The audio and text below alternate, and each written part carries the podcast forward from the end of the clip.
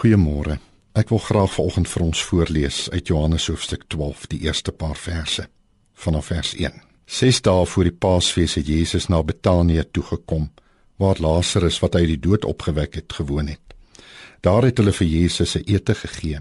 Martha het bedien en Lazarus was een van die wat saam met hom aan tafel was. Toe het Maria 'n half liter egte baie duur nardesolie gebring en dit op Jesus se voete uitgegiet en sy voete met haar hare afgedroog. Die hele huis is deurtrek met die geur van die reukolie. Judas Iskariot, een van sy disippels, die een wat hom sou verraai, sê toe: "Waarom is hierdie reukolie nie vir 300 silwer muntstukke verkoop en die geld vir die armes gegee nie?"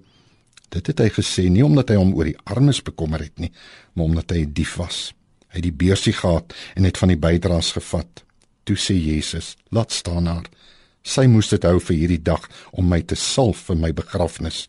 Die armes het julle tog altyd by julle, maar vir my het julle nie altyd nie." Ons kan so besig wees om al die probleme van die wêreld te wil oplos. En daar is so baie al die armes en die ellende wat elke dag om ons is. En ons kan soveel planne maak en beraam om vir hulle te sorg en vir hulle verskil in die lewe te wil maak. En is natuurlik goed so. Ons wil die armes help en ons wil as gelowiges aan mense se lewens betekenis gee. Maar daar bestaan een groot gevaar in hierdie werk. Ons kan self dalk vir God uit die oog verloor.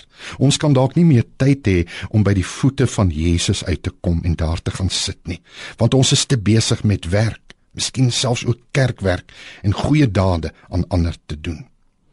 Dis die prentjie wat hier vanoggend voor ons oë afspeel mense wat Paasfees vier en hulle saam met Jesus, maar sy tyd op aarde het uitgeloop.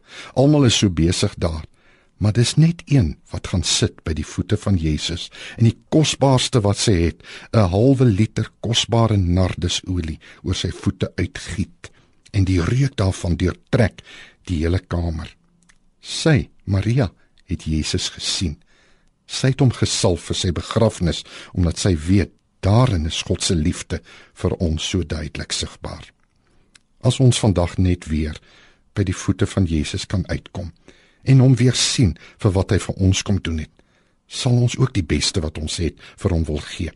En dan sal ons kan opstaan en met sy liefde en deernis ander mense se lewens om ons kan gaan aanraak.